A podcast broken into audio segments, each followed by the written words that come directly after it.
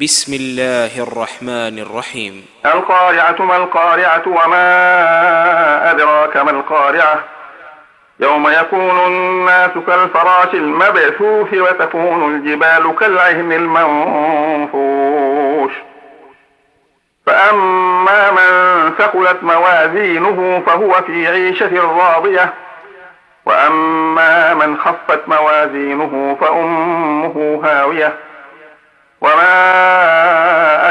وما أدراك ما هي نار حامية.